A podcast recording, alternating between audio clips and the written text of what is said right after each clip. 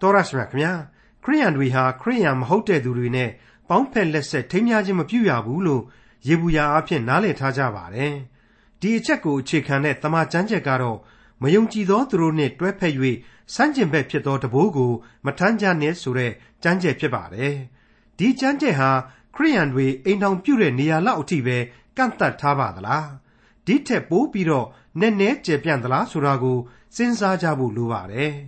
ဒီကျမ်းချက်ဟာခရိယန်တွေအတွက်ဝိညာဉ်စိတ်ဓာတ်နဲ့ဇာတိပဂရိအသွေးအသားကိုစီးခြားပြီးဖော်ပြထားခြင်းဖြစ်တယ်ဆိုတဲ့နည်းနည်းမှုကိုထည့်သွင်းစဉ်းစားရမှာဖြစ်တဲ့ခရိယန်တမန်ကျမ်းဓမ္မသစ်ကျမ်းပိုင်းတွေက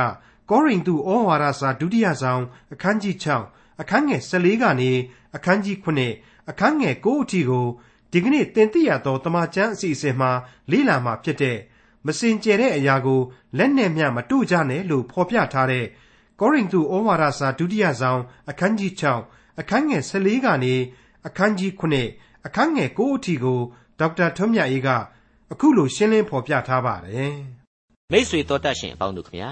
ဒီကနေ့ဖို့မှာတော့ကျွန်တော်တို့ဟာတမာကျမ်းစာလေ့လာသူတွေကြားထဲမှာအတိတ်ပဲဖွင့်ဆိုမှုအမျိုးမျိုးနဲ့နားလည်မှုမကြာခဏကွဲပြားနေကြတဲ့အပိုင်းကလေးတစ်ခုကိုစတင်ဝင်ရောက်လာပါပြီကျွန်တော်တို့ဟာဘုရားသခင်ကနေပြီးတော့သူ့ရဲ့အမှုတော်ကိုဆောင်ရွက်ခြင်းအပေါ်မှာ ဘယ်လိုကောင်းကြီးတွေပေးတယ်ဆိုတာကိုလေ့လာရင်းနဲ့ယုံကြည်သူအလုံးတို့အနေနဲ့သတိထားရမယ့်အချက်တွေအကြောင်းကိုပါတပါးတည်းနားဆင်နေကြရပါလေပြီးခဲ့တဲ့သင်ခန်းစာမှာတော့ကဆိုရင်ခရစ်တော်ကိုချစ်တယ်ကိုယ်အသင်းတော်နဲ့သင်းရုပ်ဆရာကိုလည်းချစ်တယ်ကိုယ်အချင်းချင်းအပေါ်မှာကျတော့မေတ္တာမထနိုင်ပဲရှိတတ်ကြတယ်ဆိုတဲ့ဇာတိပဂရိစိတ်သဘောထားအားနည်းချက်ဒီအပေါ်မှာတမန်တော်ကြီးရှင်ပေါလုကဘယ်လိုဆုံးမဩဝါဒပေးခဲ့တယ်ဆိုတာကိုကျွန်တော်တို့ကြားနာခဲ့ကြပြီးပါပြီဒီကနေ့ဖို့မှာတော့အထက်ကပြောခဲ့တဲ့အတိုင်း လွယ်လွယ်ကလေးနဲ့ဘာသာပြန်မှားပြီးတော့အယူအဆအငင်းအခုန်ဖြစ်ဖွယ်သောကြမ်းပိုင်းကလေးကိုစတင်ကြည့်ကြပါအောင်စို့ကောရိန္သုဩဝါဒစာဒုတိယစာဆောင်အခန်းကြီး6အငယ်14မယုံကြည်သောသူတို့နှင့်တွဲဖက်၍ဆန့်ကျင်ဘက်ဖြစ်သောတဘိုးကိုမထမ်းကြနှင့်တရားသောအမှုသည်မတရားသောအမှုကိုအဘယ်သို့လက်ခံနိုင်မည်နည်းအလင်းသည်မှောင်မိုက်နှင့်အဘယ်သို့ဆက်ဆံနိုင်မည်နည်းမယုံကြည်သောသူတို့နှင့်တွဲဖက်၍ဆန့်ကျင်ဘက်ဖြစ်သော တဘိုးကိုမထမ်းကြနှင့်ဆိုတာနဲ့ပတ်သက်ပြီးတချို့ကျတော့လေထမ်းဖို့ဆိုပြီးပြောမှမှန်တယ်ဆိုပြီးပြောကြတယ်ကျွန်တော်ကတော့ပါဇက်အလင်းသင့်တယ်လို့ပဲထမ်းဖို့ကိုတဘိုးဆိုပြီးတော့ပဲကျွန်တော်ပြောလိုက်ပါတယ်ကြိုက်တယ်လို့သာမိษွေတို့ယူကြပါထမ်းဖို့ပဲယူယူတဘိုးပဲယူယူပေါ့အဲ့ဒီအချက်ကိုတချို့ကအိမ်တောင်ရေးမှာဘာသာမတူတဲ့သူနဲ့လက်ထပ်ထိမ်းမြခြင်းမပြုတ်ဘူးဆိုတဲ့အကန့်အသတ်လောက်မှာပဲထားပြီးတော့ဖော်ပြတဲ့အဆုံးအမအနေနဲ့သဘောထားပါတယ်အမှန်တော့ အထက်အထက်ကကျွန်တော်ပြောခဲ့တဲ့အတိုင်းပဲဝိညာဉ်စိတ်ဓာတ်နဲ့ဇာတိပဂရိအသွေးအသားကိုစီးချပြီးဖော်ပြလိုက်တာဖြစ်ပါတယ်ဒီလိုဆိုတော့ဒီကြမ်းကျက်ဟာအိမ်တောင်ရေးမှာဘုရားသခင်ကိုမယုံကြည်တဲ့လူနဲ့မယူဖို့ဆိုတာတဲ့ပို့ပြီးတော့ကျယ်ဝန်းတဲ့အတိတ်ပဲကိုဆောင်းသွားရကြောင်းထင်ရှားလာရပါတယ်ကောရိန္သုအသင်းတော်သားတွေအတွက်ဆိုရင်တော့ခရစ်တော်ကိုလက်ခံယုံကြည်ပြီးတန်ရှင်သောဝိညာဉ်တော်ရဲ့လမ်းပြမှုကိုခံယူပြီးဆိုရင်မကောင်းတဲ့ကာမဂုဏ်အာယုန်တွေနောက်ကိုလိုက်ပြီးတော့မနေကြနဲ့တော့ ဗီးနပ်စ်ရဲ့နတ်ကွန်းအဖရိုဒိုက်စ်ရဲ့နတ်ကွန်းအပိုလိုနတ်ကွန်းကြီးတွေကိုမင်းတို့ရှောင်ကြတော့မူရဲ့တောက်စားတဲ့ဝိုင်းတွေကိုလည်းစွန့်ခဲ့ကြတော့ဆိုတဲ့အဓိပ္ပာယ်ကိုဆောင်းပါတယ်အဲ့ဒီလိုလွယ်လွယ်ကလေးနဲ့တိမ်ပါသွားနိုင်တဲ့ကောရိန္သုအသင်းတော်ရဲ့အခြေအနေပေါ်မှာတမန်တော်ကြီးရှင်ပေါလုတယောက်ဘလောက်အထိစိတ်ပူပန်နေတယ်ဆိုတာကိုအလွန်သိသာထင်ရှားစွာဖော်ပြလိုက်တဲ့အပိုင်းပဲဖြစ်ပါတယ်မယုံကြည်သောသူတို့နှင့်တွဲဖက်၍ဆန့်ကျင်ဘက်ဖြစ်သောတဘိုးကိုမထမ်းကြနှင့်ဓမ္မဟောင်းကျမ်းဒီမှာတော့က ဣသရေလဆိုတဲ့လေယာကိုအရင်ပြုပြီးတော့ရှင်သန်ရမယ်လူမျိုးတော်အပေါ်မှာဘုရားသခင်ဟာအလွန်ထူးခြားတဲ့ညွှန်ကြားခဲ့တဲ့အချက်တွေရှိပါတယ်ထူးထူးခြားခြားညွှန်ကြားချက်တွေပေါ့ဥပမာပြောရမယ်ဆိုရင်နွားတစ်ဖက်မြဲတစ်ဖက်လဲမထွန်ရဘူးဆိုတဲ့ညွှန်ကြားချက်မျိုးပေါ့အခုသင်ခန်းစာဟာအဲ့ဒီအတိတ်ကအဆုံးအမနဲ့ဆက်နွယ်နေပါတယ်ယုံကြည်ခြင်းဆိုတဲ့အကျင့်တစ်ခုတည်းနဲ့သာဝရအသက်လမ်းကိုမျှော်မှန်းနေရတဲ့လူဘဝယုံကြည်ခြင်းကိုပျက်စီးစေမဲ့လူအချင်းချင်းပေါင်းသင်းမှုစီးပွားရေးလက်တွဲဆောင်ရွက်မှု အသင်းအပင်ဖွဲ့စည်းမှုဆိုတာတွေကိုမလုပ်ထိုက်ပါဘူးခက်ကင်းချင်းနေသင့်ပါလေဒီအပိုင်းကိုရောက်တော့စောရကသမားတွေအတွက်ပြောစရာတွေကလည်းတစ်ဖက်ကအများကြီးပေါ်ထွက်လာနိုင်ပါလိမ့်မယ်ကျွန်တော်ကတော့ဒီအပိုင်းမှာကောရိန္သုဩဝါဒစာပထမစာဆောင်အခန်းကြီး9အငယ်6မှ73အတွင်ဖော်ပြချက်ကိုပြန်ပြီးတော့ကိုးကားပြခြင်းပါတယ်ကောရိန္သုဩဝါဒစာပထမစာဆောင်အခန်းကြီး9အငယ်6မှ73သင်တို့သည်မတရားသောမေထုံ၌မှီဝဲသောသူတို့နှင့်မပေါင်းဖော်မည်အကြောင်း အထက်ဩဝါဒစာ၌ငါရေးထားခဲ့ပြီထို့သောရေးထားသောမတရားသောမေထုံ၌မှီဝဲခြင်းလောဘလွန်ကျူးခြင်းအနိုင်အထက်လူယူခြင်းရုပ်တုကိုကိုးကွယ်ခြင်းအမှုကိုပြုသောလောကီသားတို့နှင့်အရှင်းမပေါင်းဖော်ရဟုမဆိုလိုထို့သောဆိုလျင်သင်တို့သည်လောကီမှထွက်သွားရကြမည်ယခုမူကားညီအကိုဟုခေါ်ဝေါ်သောသူသည်မတရားသောမေထုံ၌မှီဝဲခြင်းလောဘလွန်ကျူးခြင်းရုပ်ထုကိုကိုးကွယ်ခြင်းဆဲရီကဲ့ရဲ့ခြင်းသေရည်သေရက်နှင့်ရစ်မှုခြင်းအနိုင်အထက်လူယူခြင်းမှစ၍ ထိုသို့သောအမှုကိုပြုသောသူနှင့်မပေါင်းဖော်ရသည်သာမကထိုသူနှင့်အတူစားတော့ခြင်းကိစ္စကိုမျှမပြုရဟုငါရေးထား၍ပြညတ်၏ပြင်လူတို့ကိုစီရင်ခြင်းအမှုနှင့်ငါသည်အဘယ်သို့ဆိုင်သနည်းအတွင်းလူတို့ကိုသင်တို့စီရင်ရသည်မဟုတ်လော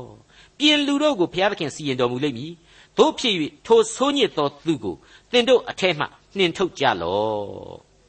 အဲ့ဒီတော့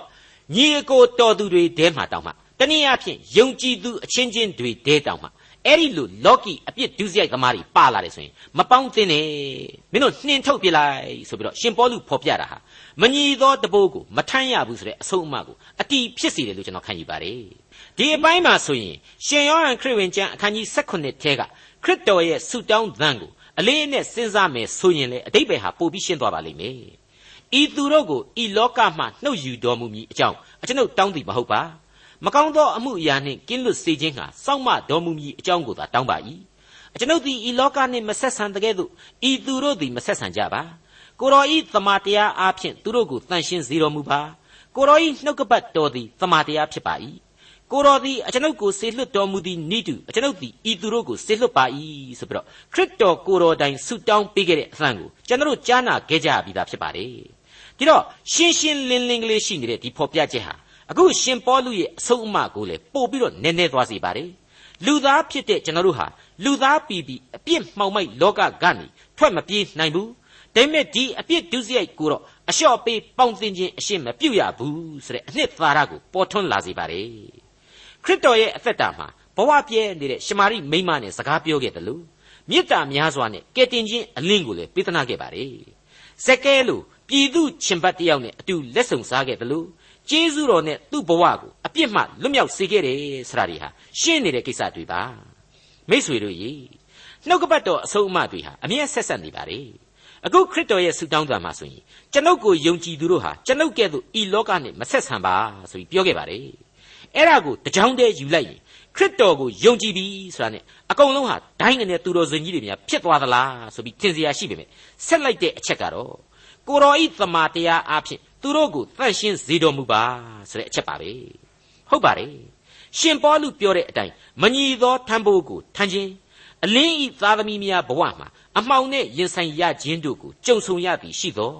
သမာတရားဖြစ်တဲ့နှုတ်ကပတ်တော်အားဖြင့်ကိုယ့်ကိုယ်ကိုပြန်လဲတန့်ရှင်းစေရမယ်ဆိုတဲ့အချက်ဟာပို့ပြီးထင်ရှားလာရပါတယ်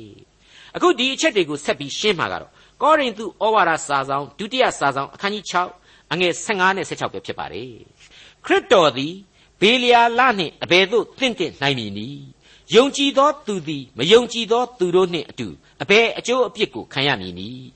ဖျားသခင်ဤဗိမာန်တော်သည်ရုတ်တုတို့နှင့်အဘယ်သို့ဆက်ဆံရမည်နည်းဖျားသခင်မိန့်တော်မူသည်ကားသူတို့တွင်ငါကျင်းဝတ်မည်သူတို့တွင်လှဲ့လေ၍သူတို့၏ဖျားသခင်ဖြစ်မည်သူတို့သည်လည်းငါ၏လူဖြစ်ကြလိမ့်မည်ဟုမိန့်တော်မူသည်နှင့်အညီသင်တို့သည်အသက်ရှင်တော်မူသောဖျားသခင်၏ဗိမာန်တော်ဖြစ်ကြ၏ငါ၏လူ ထိုသူတို့တွင်ငါကျိန်းဝတ်မည်ဆိုတဲ့ဝေါ်ဟာရတွေဟာအလွန်ကြီးမားတဲ့နှုတ်တော်အတွက်စကားကြီးတွေဖြစ်ခဲ့ပါတယ်လူမျိုးတော်ဣတရီလမှသည်ဒီကနေ့ကျွန်တော်တို့ယုံကြည်သူတွေအသက်နစ်နေအောင်မှတ်ကျုံယူထားရမယ်စကားတွေဖြစ်ပါတယ်ရင်ဝယ်ပိုက်အာဂုံဆောင်ထားရမယ်အချက်တွေဖြစ်ပါတယ်ကျွန်တော်တို့တွေဟာဖျားသခင်ကျိန်းဝတ်တဲ့လူတွေဆိုတာကိုကိုကိုနားလေခံယူပြီးတဲ့နောက်ဖျားသခင်မကြိုက်တဲ့အစွဲအလန်းဒီကိုးကွယ်ယုံကြည်မှုတွေနဲ့ကင်းဝေးနိုင်ကြပါစေလို့ကျွန်တော်ဆုတောင်းမေတ္တာပို့သအပ်ပါတယ် ဘုရားသခင်ကငါသည်အပြစ်ရှိသည်ဟုယုံလွယ်သောဘုရားအင်္ဂလိပ်လိုတော့ jealous god ဆိုတဲ့စကားကိုသုံးခဲ့ပါတယ်ဒါကိုတချို့က jealous ဆိုတာသဝန်တူတာဆိုပြီးတော့ဖះလုံနေပြီးတော့သဝန်တူတယ်တဲ့ရေလို့နှာခေါင်းရှုံတာကျွန်တော်ကြားဘူးပါတယ်ကျွန်တော်ကတော့အဲ့ဒီလိုမတွေးပါဘူးလူကိုသူဟာသူ့စိတ်ကြိုက်ဝိညာဉ်သဏ္ဍာန်နဲ့ဖန်ဆင်းတယ်ဝိညာဉ်ကိုသူမှုတ်သွင်းပေးထားတယ်ဒါကြောင့်သူဖန်ဆင်းတဲ့လူသားကသူ့မကိုးကွယ်ပဲနတ်ကိုသွားကိုးကွယ်တာကိုသူဘယ်လို့မှမခံနိုင်ဘူး ဒါလူတွေးတွေးယုံနဲ့တောင်မှသဘောပေါက်နိုင်တဲ့အချက်ဖြစ်လို့သူ့ရဲ့ငါမတပါအခြားသောဖះကိုမကိုးကွယ်နှင့်ရုပ်တုဆင်းတုကိုကိုအဖို့မသွန်းမလုံနှင်းဆိုတဲ့ပထမဆုံးသောပြည့်ညက်ချက်ဟာလူပောင်အတွက်ကြိုက်သည်ဖြစ်စေမကြိုက်သည်ဖြစ်စေနှုတ်တိုက်ကြက်မှတ်ထားရမယ်ဘဝဥပဒေကြီးပဲလို့ကျွန်တော်ခံယူပါတယ်အကယ်၍များမင်းတို့မကိုးကွယ်ပဲကြိုက်ရတာကိုးကွယ်ကြပါကွာဆိုပြီးတော့သူကသာပြည့်ညတ်ပေးလိုက်မယ်ဆိုရင်သူ့ရဲ့မေတ္တာတော်အပေါ်မှာကျွန်တော်တို့တန်တရားဖြစ်မိမှာအမှန်ပါပဲ ကျွန်တော်တို့ကိုအဖဖခင်သခင်ကဂရိပေးထတာပါလေထာဝရအသက်ကိုပေးမယ်ဆိုပြီးတော့ဂရိပေးထတာမဟုတ်ဘူးလားအဲ့ဒီလိုသာ तू ကမင်းတို့ငါမကိုးကွယ်ပဲကြိုက်ရတာကိုးကွယ်ဆိုရင်တော့အဲ့ဒီထာဝရအသက်အမွေကိုဒီအဖဟာဖြတ်လိုက်ပြီအဖဖျားသခင်ဟာငါတို့ကိုအမွေဖြတ်လိုက်ပြီဆိုတဲ့အသိနဲ့များစွာလဲဝန်းနေကြေကွဲရမှာလေဧကန်အမှန်ဖြစ်တဲ့အကြောင်းတင်ပြလိုက်ပါရစေကောရိန္သုဩဝါဒစာဒုတိယစာဆောင်အခန်းကြီး6အငယ်16နဲ့18ထို့ကြောင့်ထာဝရဘုရားမိန့်ပြန်တော်မူသည်ကား သင်တို့သည်ထိုသူတို့အထက်မှထွက်၍အသီးအခြားနေကြလော့မစင်ကြဲသောအရာကိုလက်နှင့်မျှမတို့ကြနှင့်ထိုတို့ပြုလျင်သင်တို့ကိုငါသည်လက်ခံမည်သင်တို့၏အဖဖြစ်မည်သင်တို့သည်လည်းငါ၏သားသမီးဖြစ်ကြလိမ့်မည်ဟုအနန္တတကိုးနှင့်ပြည့်စုံသောထာဝရဘုရားမိန့်တော်မူ၏ကဲအထက်ကဖော်ပြခဲ့တဲ့ပြင်းထန်တဲ့ဥပရိသရဲ့အခုနောက်ဆက်တွဲဖော်ပြချက်တွေဟာအတိတ်ပဲချင်းရှင်းရှင်းကြီးဆက်ဆက်နေတယ်ဆိုတာကိုတွေ့ရပြီဝိညာဉ်ရေးအရာဒီလောကမှလူသားတိုင်းရဲ့အဖဟာ ထာဝရဘုရားသခင်ပါပဲ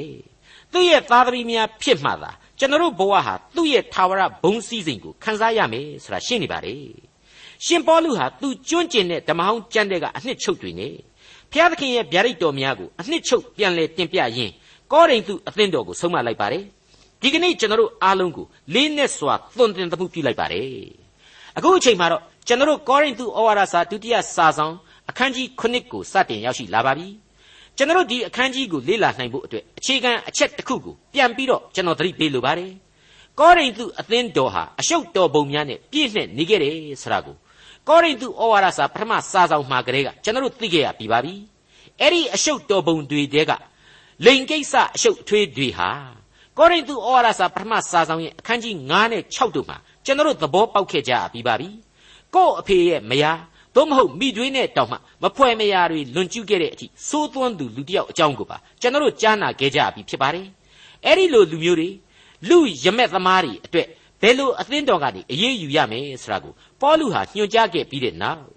တိတုကနေတဆင့်ဒီလူဒန်းစားတွေကိုအသင်းတော်ကနှင်ထုတ်ပစ်ခဲ့လို့ဒီလူတွေဟာမျက်ရည်လဲရွှဲနဲ့နောင်တရခဲ့ပါပြီဆိုတဲ့သတင်းကိုရှင်ပေါလုရရှိခဲ့ပြီးဖြစ်တယ်လို့ကျွန်တော်ခံယူပါတယ်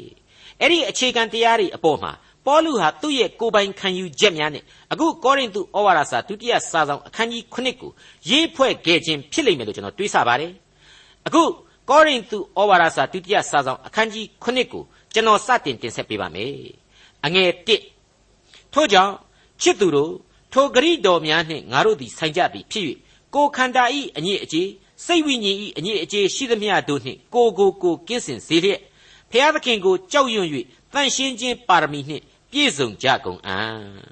အခန်းကြီး6ရဲ့ဏိဂုံးမှာအဖဖျားသခင်ရဲ့သားသမီးများအဖြစ်ကိုကိုကိုတန်ရှင်းစင်ကြယ်စေရမယ်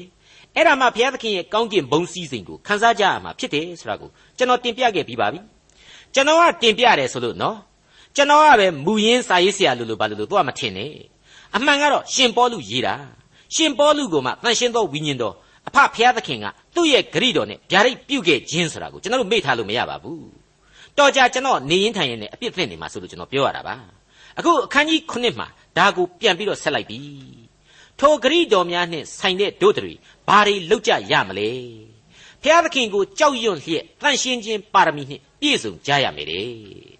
မိษွေတို့ရဲ့အဖဖျားသခင်ဆိုတာဟာကျွန်တော်တို့ကိုဖန်ဆင်းတယ်အသက်ဝိညာဉ်ကိုသွင်းပေးတယ်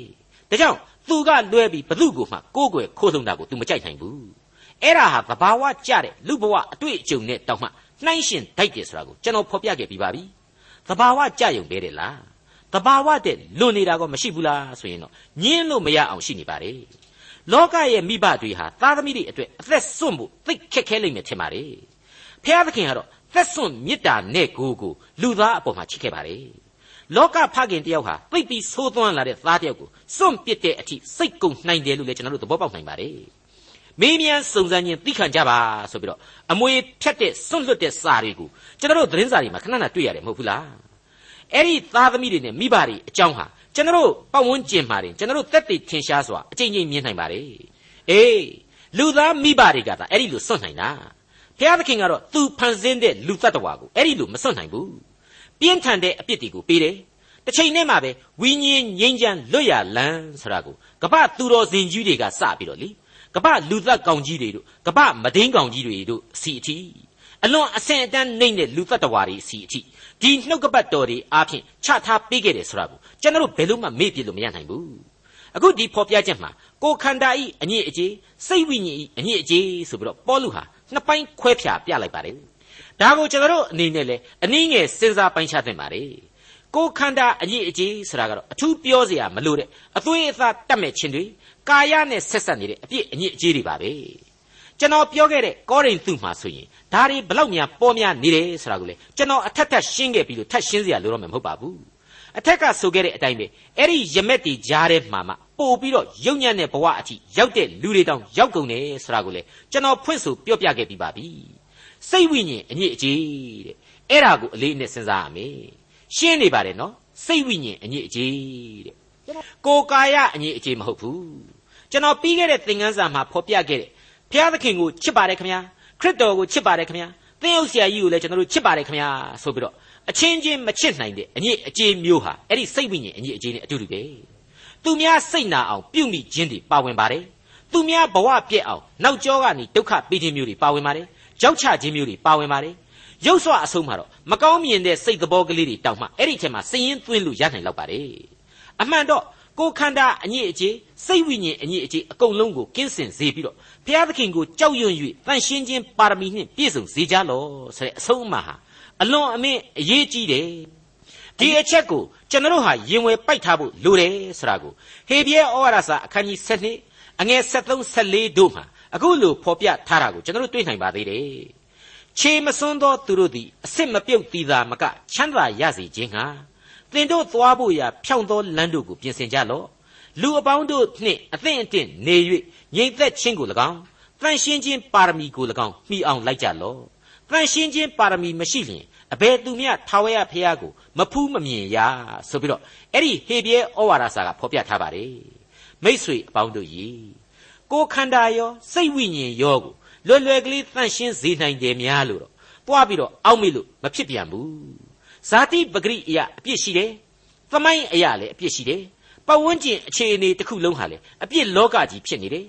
ဖျားသခင်ကိုဆန့်ကျင်တဲ့စာရန်မဏတ်ကလည်းဖျားသခင်ကိုတိုက်ခိုက်လို့မရတော့လူသားကနေတစ်ဆင့်လှည့်ပြီးတော့တိုက်ခိုက်တယ်လူသားကိုဖျားသခင်နဲ့မဝေဝေအောင်တော်လှန်ခိုင်းတယ်ဖျားသခင်ကိုကြောခိုင်းစေတယ်လူသားကိုသူ့ဘက်ပါအောင်ဆွဲငင်နေတယ်ခရစ်တော်ကိုချစ်ပါတယ်ဆိုတဲ့ခေါင်းဆောင်တွေတောင်မှရှောင်နိုင်ခဲလာတဲ့အသွေးအသားရမက်များနဲ့ လောကအစွဲအလံပူလောင်ခြင်းများဟာဘလောက်ထိဝိုင်းဝိုင်းလဲနေတယ်ဆိုတာကိုကျွန်တော်တို့တွေ့ကြရပြီးပါပြီဒီတော့အဲ့ဒီအပြစ်တွေနဲ့ဖန်တရားတေအောင်ရင်ဆိုင်ရပြီးတော့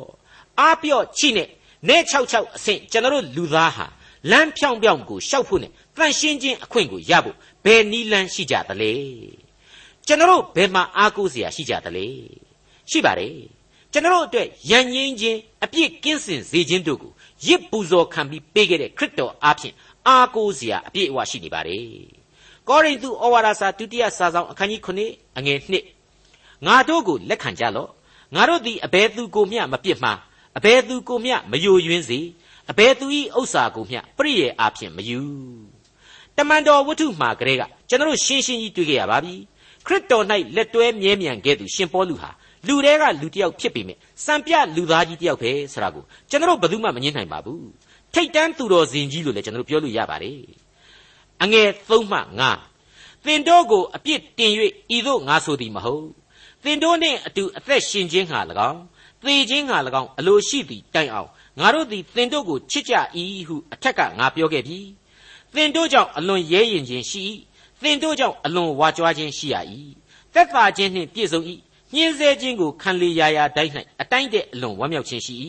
ငါတို့သည်မာကေဒေါနိပြည်သို့ရောက်သောအခါကိုကာယငြိမ်ဝှခြင်းအရှင်းမရှိအရာရာ၌ညှင်းဆဲခြင်းကိုခံရကြ၏အပြင်း၌ကတိုက်လှန်ခြင်းရှိ၏အတွင်း၌ကစိုးရိမ်ခြင်းရှိ၏ကျွန်တော်စောစောကပြောခဲ့တဲ့အတိုင်းရှင်ပေါလုစရာဟာထိတ်တန်းသူတော်စင်ကြီးလူတိုင်းစံပြရတဲ့စံပြလူသားကြီးသူ့အဖို့မေတ္တာစိတ်ဆိုတာဟာထင်ရှားပေါ်လွင်လွတ်လှပါတယ် ရဲရင်ချင်းတတ္တိဆိုတာဟာလေအဲ့ဒီအချိန်မှာအလိုအလျောက်ပြည့်ဝလာရတယ်ဘာဖြစ်လဲဆိုတော့ तू ဟာဘုရားသခင်ရဲ့လူမဟုတ်ဘူးလားတန်ရှင်းသောဝိညာဉ်တော်နဲ့ပြည့်ဝနေတဲ့လူလေမာကေဒေါနီသို့မဟုတ်မက်ဆီဒိုးနီးယားကို तू သွားတာဟာကောရိန္သုကလာမဲ့တိတုနဲ့တွေ့ဆုံမှုဖြစ်တယ်ဆိုတာကိုကျွန်တော်ဏိဒန်းမာတဲ့ကျွန်တော်ပြောခဲ့ပြီးပြီပထမရောက်ခဲ့တာဟာတယောဆိုတဲ့မြို့ကလေးဖြစ်ခဲ့ပါတယ်အဲ့ဒီကိုသူသွားခဲ့တာဟာအမှုတော်ကိုဆောင်ရင်းနဲ့တိတုကိုဆုံဖို့ပဲဖြစ်ပါတယ်အဲ့ဒီ ကောရိန္သုကလာမဲ့အမှုတော်ဆောင်တိတုနဲ့တွေ့မှသာလျှင်လေတိတုရဲ့အမှုတော်ဆောင်နေတဲ့ကောရိန္သုကသတင်းတွေကိုကောရိန္သုယုံကြည်သူတို့ရဲ့အခြေအနေမှန်တွေကိုသူဟာကြားရမှာဖြစ်ပါတယ်ဒါကြောင့်မလို့သူဟာစိတ်ဘလောက်အထိလှုပ်ရှားနေရတယ်ဆိုတာကိုပုဂ္ဂိုလ်ရေးသမိုင်းမှတ်တမ်းအဖြစ်သူတမင်ဖော်ပြလိုက်တာပဲလို့ကျွန်တော်ခံယူပါတယ်ကောရိန္သုဩဝါဒစာဒုတိယစာဆောင်အခန်းကြီး9အငယ်6မှ9သို့တော်လည်းနှိမ့်ချလျက်ရှိသောသူတို့ကိုတက်တာစေတော်မူတတ်သောဘုရားသခင်သည်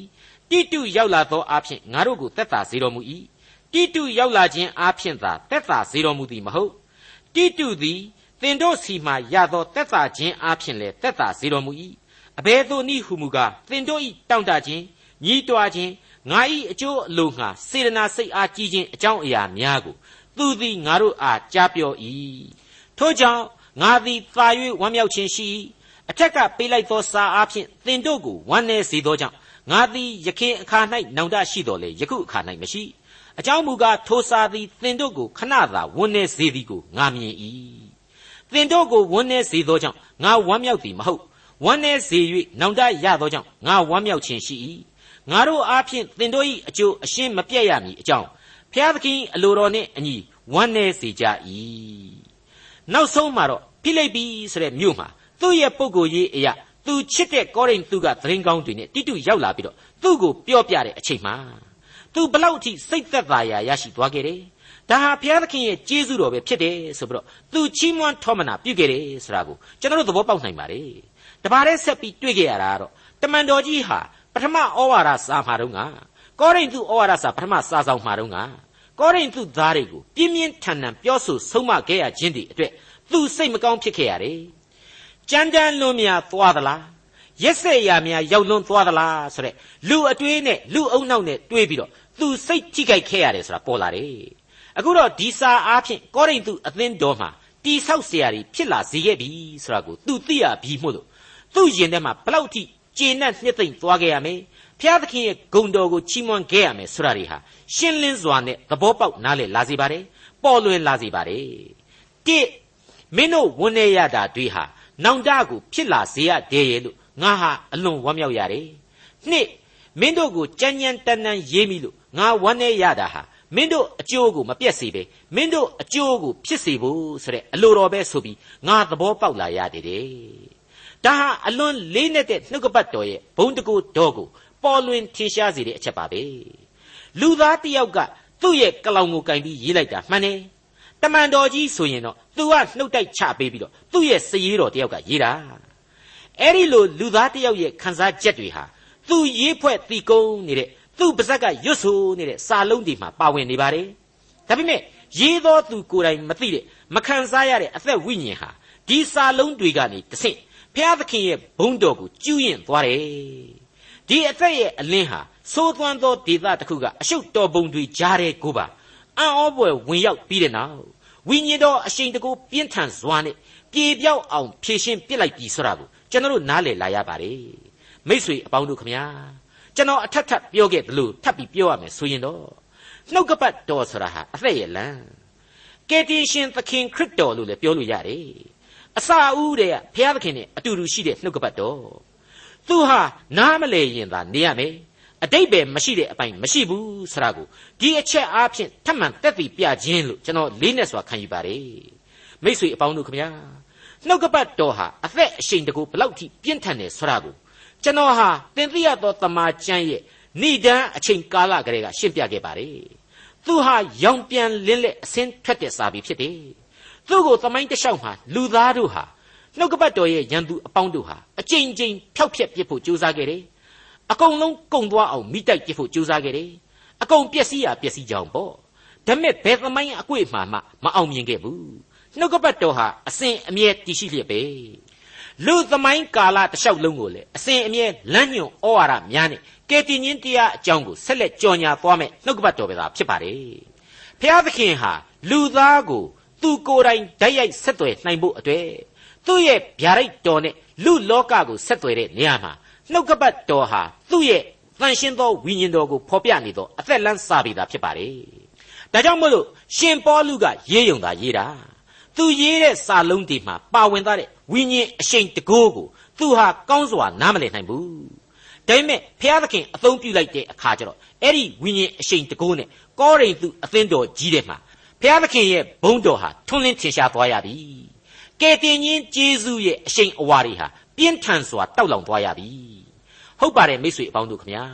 အခုအဖန်လွှင်းနေတဲ့ကျွန်တော်ဟာအပြစ်သားတစ်ယောက်အနေနဲ့အပြစ်သားတို့ဘင်းလျင်ရေးသားစီရင်ခဲ့တဲ့ပေရွက်တေပေါ်ကစာလုံးများကို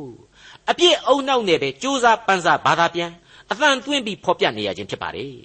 ဒါပေမဲ့ကျွန်တော်အပြစ်သားဖော်ပြတာဟာဖျားသခင်ရဲ့စေခိုင်းတော်မူချက်နဲ့ဖော်ပြနေရခြင်းဖြစ်တယ်ဆိုတာကိုကျွန်တော်ဘယ်လိုမှမငြင်းနိုင်သလိုဒီစာလုံးတွေကိုရေးသားခဲ့သူအပြစ်သားကြီးတွေဟာလေ ဖျားသခင်စေခိုင်းခဲ့တဲ့အတိုင်းရေးသားခဲ့ရတယ်ဆိုတာကိုစစချင်းမသိဘဲရှိရင်နေမယ်ဒါပေမဲ့အခုရှင်ပေါလုသိလာရတယ်လို့အဲ့ဒီစာရေးသူပုဂ္ဂိုလ်ကြီးတွေအားလုံးဟာရှင်ပေါလုနိတူခန်းစားသိရှိလာခဲ့ကြရလိမ့်မယ်ဆိုတာကိုဖျားသခင်ရဲ့ကျေးဇူးတော်အဖြစ်ညင်းနိုင်ပွဲမရှိပါဘူးဒါကြောင့်လဲသင်သိရသောတမန်ကျမ်းကဖော်ပြချက်ဟာဖျားသခင်ရဲ့အသက်လမ်းကိုတန်ရှင်းသောဝိညာဉ်တော်အားဖြင့်အလိုလိုဖော်ပြသွားပါတယ်အဲ့ဒီအသက်လမ်းခရီးဟာ ကျွန်တော်ကိုယ်တိုင်မျှော်လင့်တဲ့အသက်လမ်းဖြစ်တယ်လို့မိษွေတို့အားလုံးလည်းတောင့်တမျှော်လင့်တဲ့အသက်လမ်းသာဖြစ်ပါတယ်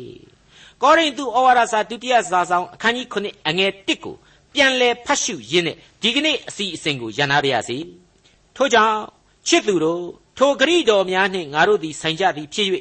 ကိုခန္ဓာဤအငြိအကျေးစိတ်ဝိညာဉ်ဤအငြိအကျေးရှိသမျှတို့နှင့်ကိုကိုကိုကင်းစင်စေလျက်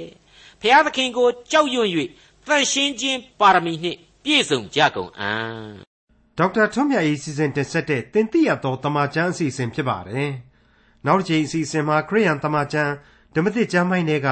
ကောရိန္သုဩဝါဒစာဒုတိယဆောင်အခန်းကြီး9အခန်းငယ်30ကနေအခန်းကြီး8အခန်းငယ်6အထိကိုလေ့လာမှာဖြစ်တဲ့အတွက်စောင့်မျှော်နားဆင်နိုင်ပါတယ်။